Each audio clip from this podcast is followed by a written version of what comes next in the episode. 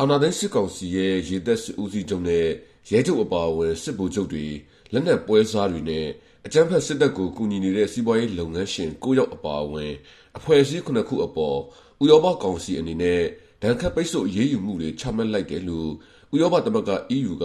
ဖေဖော်ဝါရီလ20ရက်နေ့မှာ ကြေညာပါတယ်။ဆီယနာသိမ်းပြီးနှစ်နှစ်အကြာ မြန်မာနိုင်ငံမှာ အကြမ်းဖက်မှုတွေ မြင့်တက်လာတာ ပြင်းထန်တဲ့ လူအခွင့်အရေး ချိုးဖောက်မှုတွေနဲ့ ပြည်တွင်းငြိမ်းချမ်းရေး လုံခြုံရေးနဲ့တည်ငြိမ်ရေးတို့အတွက်ချိန်ချောက်မှုတွေဆက်လက်ဖြစ်ပေါ်နေတာကြောင့်ဒဏ်ခတ်ပိတ်ဆို့မှုတွေချမှတ်ခဲ့တာလို့ဆိုပါတယ်။အာဏာသိမ်းစစ်ကောင်စီကိုအခုလိုမျိုးဒဏ်ခတ်ပိတ်ဆို့မှုတွေလုပ်တာဝင်ငွေရနေတဲ့လမ်းကြောင်းတွေကိုပိတ်ဆို့တာတွေလုပ်နိုင်မယ်ဆိုရင်စစ်အာဏာရှင်တော်လှန်ရေးကအမြန်ဆုံးပြီးနိုင်မယ့်အနေအထားရှိတာကြောင့်အခုထက်ပိုထိရောက်တဲ့အရေးယူမှုတွေလှုပ်ဆောင်ဖို့လိုတယ်လို့အမျိုးသားညီညွတ်ရေးအစိုးရအဖွဲ့ကာကွယ်ရေးဝန်ကြီးဌာနအမြဲတမ်းအတွင်းဝင်ကပြောပါတယ်။လက်နက်ဝယ်မှုတွေကိုတားဆီးနိုင်ရင် အဲနောက်အထူးကဝင်ငွေရရရကြောင်းလမ်းကြောင်းတွေကိုဖြတ်တောက်နိုင်မယ်ဆိုရင်အာစစ်ကောင်စီဟာပြည်သူတွေပေါ်မှာလက်ရှိလှုပ်ဆောင်နေတဲ့အနိုင်ကျင့်မှုတွေတပ်ဖြတ်မှုတွေအာဒီ OAC စိန်တွေဖြစ်စည်းမှုတွေစတဲ့ကိစ္စတွေဆောင်ရွက်နိုင်တဲ့ဆွမ်းမကအများကြီးပဲရောချတော့မှာဖြစ်ပါတယ်အဲဒါကြောင့်အခုလိုမျိုးဒိုင်ခတ်ပိတ်ဆို့မှုတွေကိုပို့ပြီးတော့အရှိန်တိုးမြင့်ပြီးတော့လှုပ်ဆောင်ဖို့လိုပါတယ် ပိတ်ဆို့ဒဏ်ခတ်ခံရတဲ့သူတွေထဲမှာမြန်မာစစ်တပ်အတွက်လက်နက်ပွဲစားလုပ်ပေးနေတဲ့ MCM ကုမ္ပဏီဥက္ကဋ္ဌဦးလှိုင်ဦးစစ်တိုင်းအောင်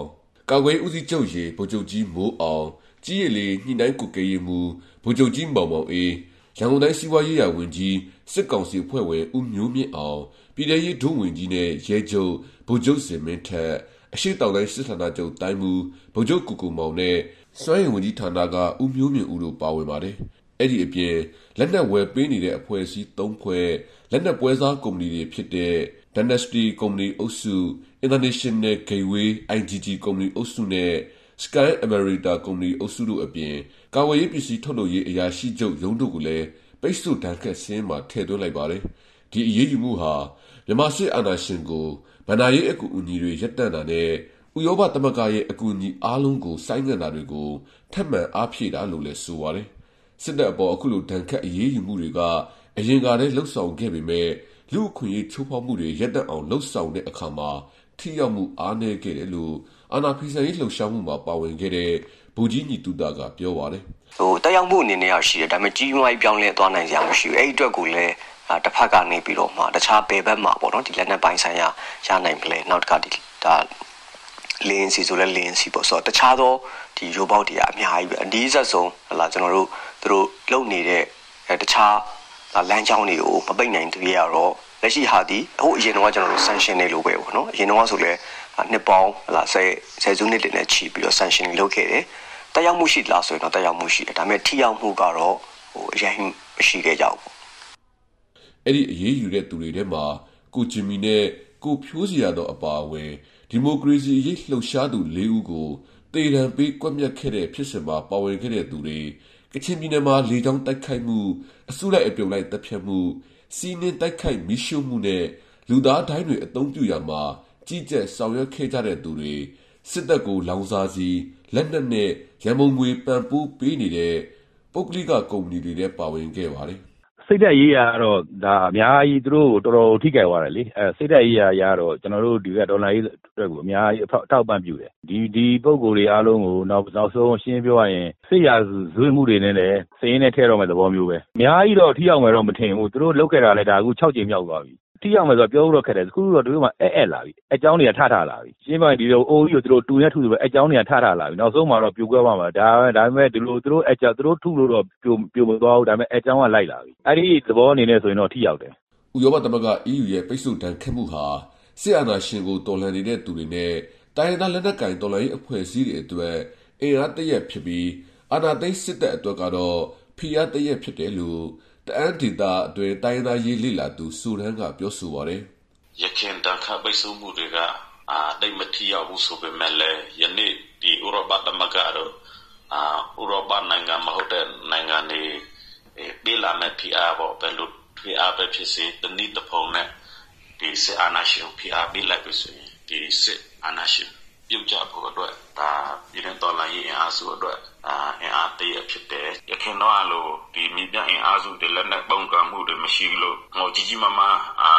အကူပြောင်းတော့မဖြစ်ခဲ့ဘူးပေါ့ဒါပေမဲ့ယနေ့အချိန်မှာတော့ဟိုရခင်စစ်အာဏာရှင်အုပ်စုကောင်းဆောင်ဟောင်းတွေတော့တဲ့နီလန်အတိုင်းမင်းအွန်လိုင်းကတော့နေတာဖြစ်တယ်ဒါပေမဲ့လူမမျောလင့်ထားတဲ့လက်နက်ကိုင်အင်အားစုတစ်တွေအများပြပေါ်ထွက်လာတဲ့အတွက်သူ့မှာ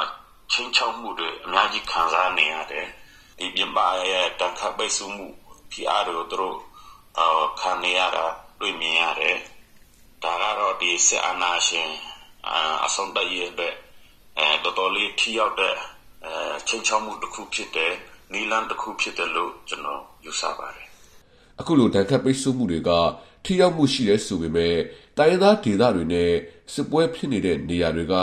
ပြည်သူလူထုကိုစစ်တပ်ကကျူးလွန်နေတဲ့လူအခွင့်အရေးချိုးဖောက်မှုကတော့ရပ်တန့်သွားမှာမဟုတ်ဘူးလို့တိုင်းရင်းသားရေးလေ့လာသုံးသပ်သူလည်းဖြစ်တယ်လို့တိုင်းရင်းသားလူမျိုးများရေးရာစင်တာအမှုဆောင်ဒရိုက်တာဖြစ်တဲ့ဒေါက်တာပညာမွန်ကပြောဆိုပါတယ်ခုလက်ရှိမြန်မာပြည်ရဲ့ပြဿနာကိုစစ်ရေးနဲ့ဖြေရှင်းနေဒီဒီဝေပေါ့နော်ဒီပြဿနာတွေကမရတန်တော့ဘူး EU ကစစ်တပ်အပေါ်တန်ခတ်ရေးယူတာကတော်လိုင်းရဲ့အတွက်ကတော့အထောက်အကူတော့ဖြစ်ပါတယ် အာဏာသိမ်းစစ်တပ်အနေနဲ့အကြမ်းဖက်တိုက်ခတ်မှုအလုံးကိုချက်ချင်းရပ်ဖို့အပြည်ပြည်ဆိုင်ရာလူသားချင်းစာနာထောက်ထားမှုဆိုင်ရာဥပဒေတွေကိုအပြည့်အဝလေးစားလိုက်နာဖို့နဲ့အာဆီယံဘုံသဘောတူညီမှု၅ချက်ကိုမြန်မြန်ဆန်ဆန်အကောင့်ထဲပေါ်ဖို့ဥရောပသမဂ္ဂ EU ကပြောဆိုပါတယ်။အဲ့ဒီအပြင်အာဏာသိမ်းမှုမှာတာဝန်ရှိသူတွေနဲ့အကြမ်းဖက်မှုနဲ့လူအခွင့်အရေးချိုးဖောက်မှုကျူးလွန်သူတွေဟာသူတို့ရဲ့လုပ်ရက်အတွက်တာဝန်ခံမှုရှိစေရမယ်လို့ EU ကကြေညာပါတယ်။ EU ရဲ့ပြစ်ဒဏ်ခတ်ပိတ်ဆို့မှုဟာ လူပုဂ္ဂိုလ်စုစုပေါင်း93ယောက်နဲ့အဖွဲ့အစည်း18ခုအပေါ်အကျုံးဝင်ပြီးစည်ရင်းမှာပါဝင်သူတွေရဲ့ပိုင်ဆိုင်မှုထိချုပ်ခံရတာခရီးသွားလာခွင့်တွေပိတ်ပင်ခံရတာဥရောပသမဂ္ဂနယ်မြေအတွင်းဝင်ရောက်တာဖြတ်တန်းသွားလာတာကိုတားဆီးတာတွေပါဝင်ပါတယ်ကျွန်တော်အောင်သူပါခင်ဗျာ